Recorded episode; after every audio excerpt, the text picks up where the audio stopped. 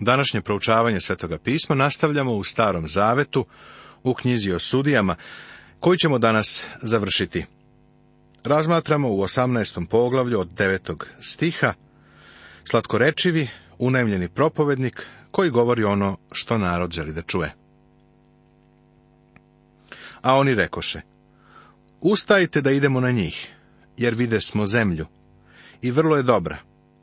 I vi ne marite, Nemojte se leniti, nego pohitajte da uzmete zemlju.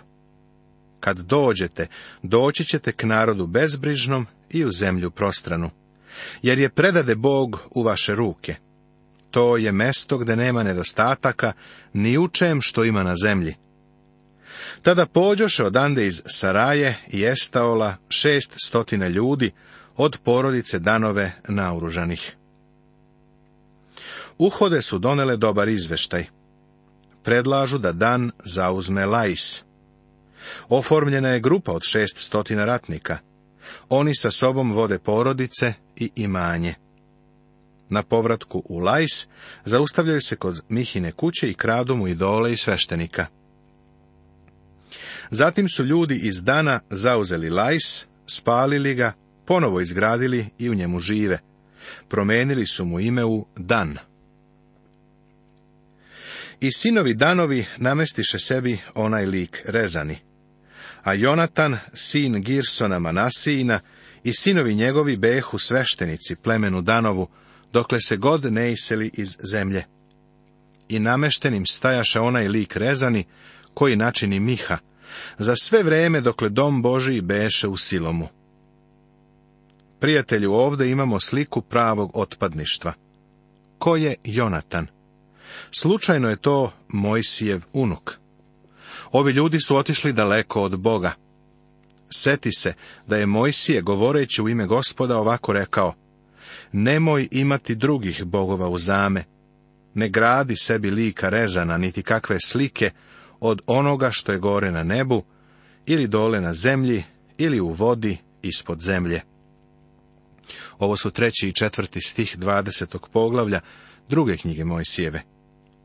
A ovdje je Mojsijev unuk, sveštenik idolu. Kakva tragedija!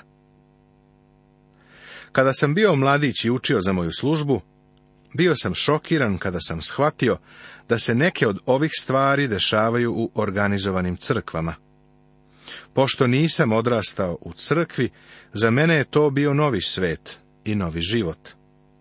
Bio sam duboko impresioniran životom i službom Dvajta Mudija i smatrao sam ga pravim Božijim svecem, a on je to i bio. A onda mi je čovjek koji je poznavao njega i njegovu porodicu rekao, jedan od njegovih sinova radi u najliberalniji organizaciji u zemlji. U toku tih mojih ranih dana ništa me kao ovo nije pogodilo.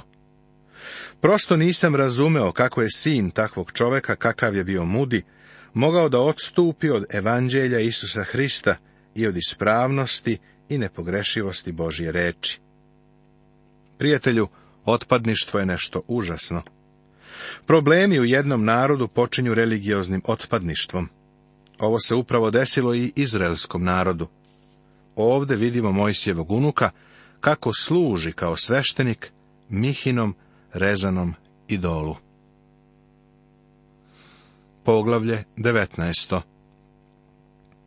Tema Moralna strahota Dom Kao što smo vidjeli u prethodnom odeljku, pad naroda započinje verskim otpadništvom. Odakle se pomera na sljedeći nivo, a to je moralna strahota. Ovo je slikovito prikazano kroz užasan događaj kojim se završava knjiga o sudijama. Sve se vrti oko Venijaminovog plemena. Ovo pleme se odalo užasnom nemoralu, koje je dovelo do građanskog rata. Počelo je tako što su ljudi iz Venijamina zlostavljali, a potom ubili inoču jednog levita. Ostala plemena žele da istrebe Venijaminovo pleme. Ovaj period se završava potpunom nacionalnom korupcijom i zbrkom, pa se knjiga o sudijama ovako završava. U ono vrijeme ne beše cara u Izraelu, svako činjaše što mu beše drago. I u to vrijeme, kad ne beše cara u Izraelu, beše jedan levit, koji življaše kao došljak kraj gore Jefremove i uze inoču iz Vitlejema Judina. A inoča njegova činjaše preljubu kod njega, pa otide od njega kući oca svojega u Vitlejem Judin i osta onde četiri meseca. Ova dva stiha nam pružaju još jedan uvid u to kako su Izraelovi potomci živeli u to vreme. Ovo je dobra ilustracija Rimljanima poslanice poglavlja od 1 do 3. Možeš li zamisliti da se Levit ženi ovakvom ženom? Pa, baš je to uradio. A ona se odala prostituisanju, ostavila ga i vratila se očevoj kući. Levit je krenuo za njom. Njen otac ga je toplo primio, pa je Levit ostao kod njega nekoliko dana. Zatim su Levit i njegova inoča krenuli nazad na sever. Jednu noć su proveli u Gavaji, Venijaminovom gradu. Jedan stari čovek koji je također bio iz Jefremovih planina, a kratko je boravio u Gavaji, ponudio im je gostoprimstvo.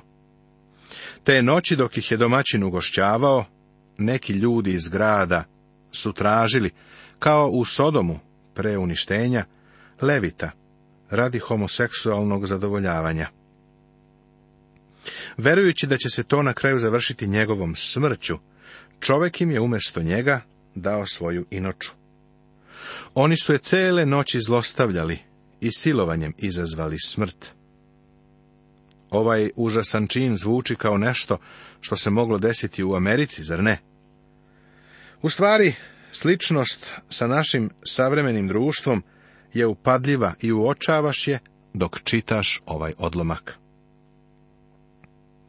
Levit je zaista bio obuzet ovim zločinom a ono što je učinio samo nam otkriva kako su u to doba nisko pali. Uzeo je ženu i isekao je na komade, a komade poslao svakom plemenu sa porukom o onome što se dogodilo. Reakcija ostatka naroda na ovaj zločin zabeležena je u sljedeća dva poglavlja. Poglavlja 21. i 22 tema. Politička anarhija, država. Nakon verskog religioznog otpadništva, zatim moralne strahote, sljedeći korak u padu Izraela i svakog drugog naroda jeste politička anarhija. To vidimo u dva posljednja poglavlja knjige o sudijama.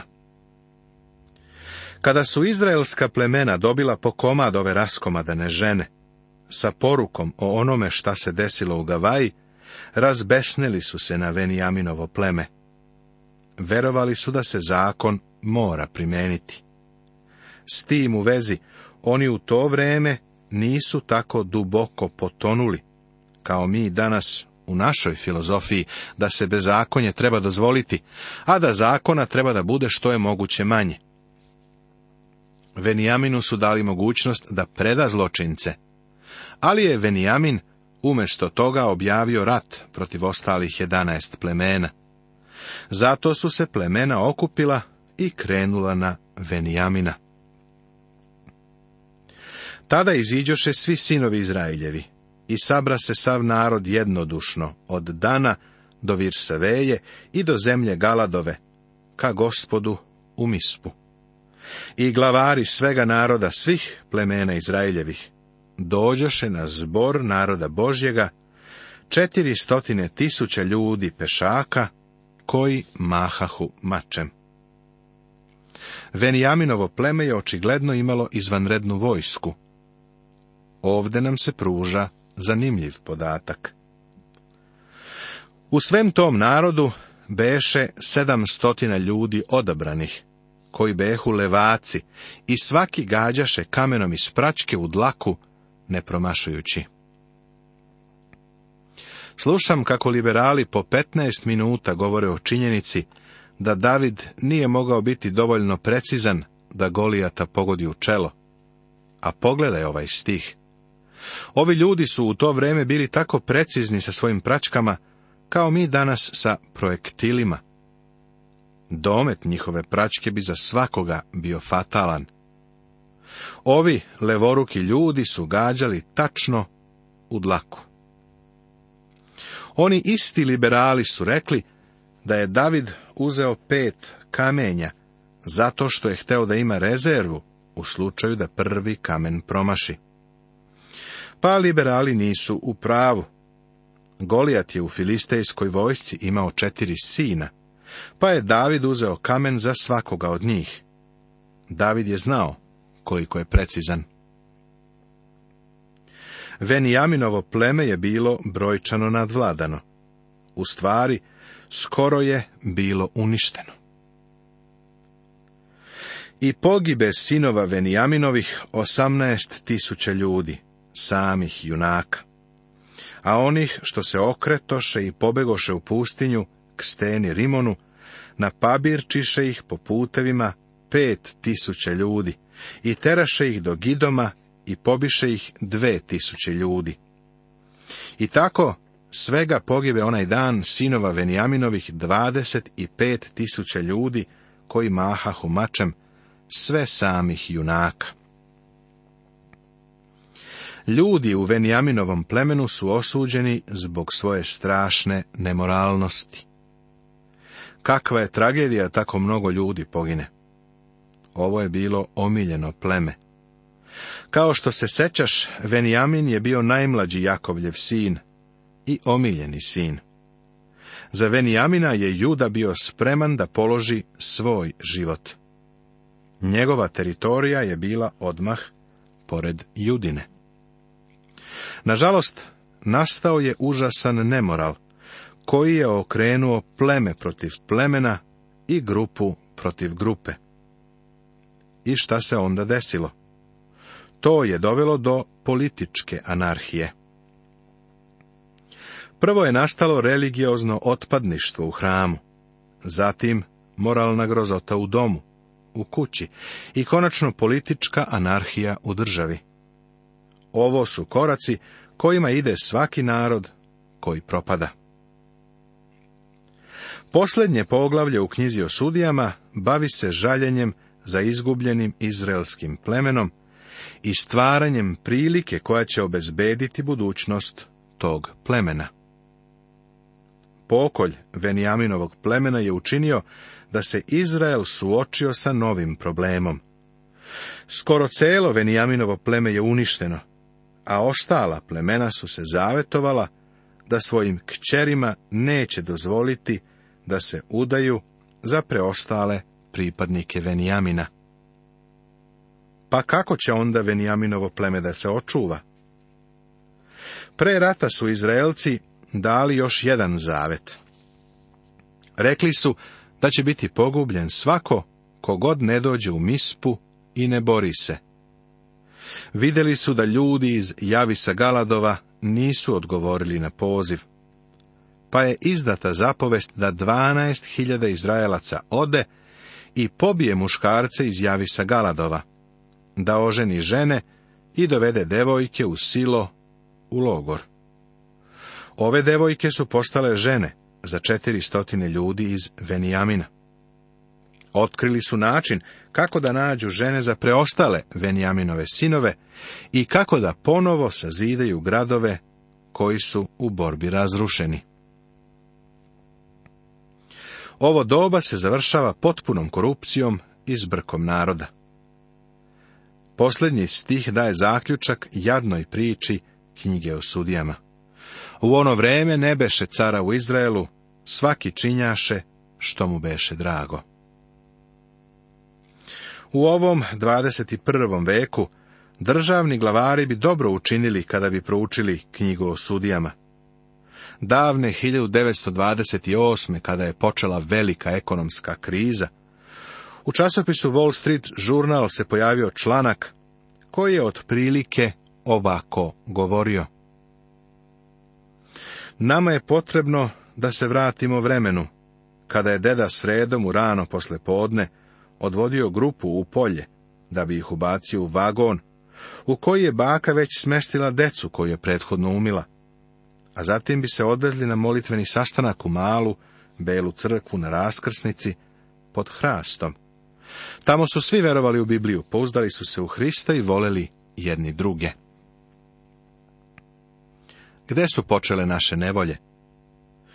Pošto su naše nevolje prvenstveno duhovne, potiču iz crkve. Crkva je zapala u otpadništvo. Zatim su se problemi koncentrisali u porodici, sa problemom droge i međugeneracijskim jazom. Nevolja je potom prešla u političke krugove, pa imamo anarhiju. Ljudi ovako kažu, samo kada bismo uspeli da promenimo ovo ili ono i u to primenimo u ovu ili u onu partiju, sve bi bilo dobro. Sve ovo je potpuna besmislica.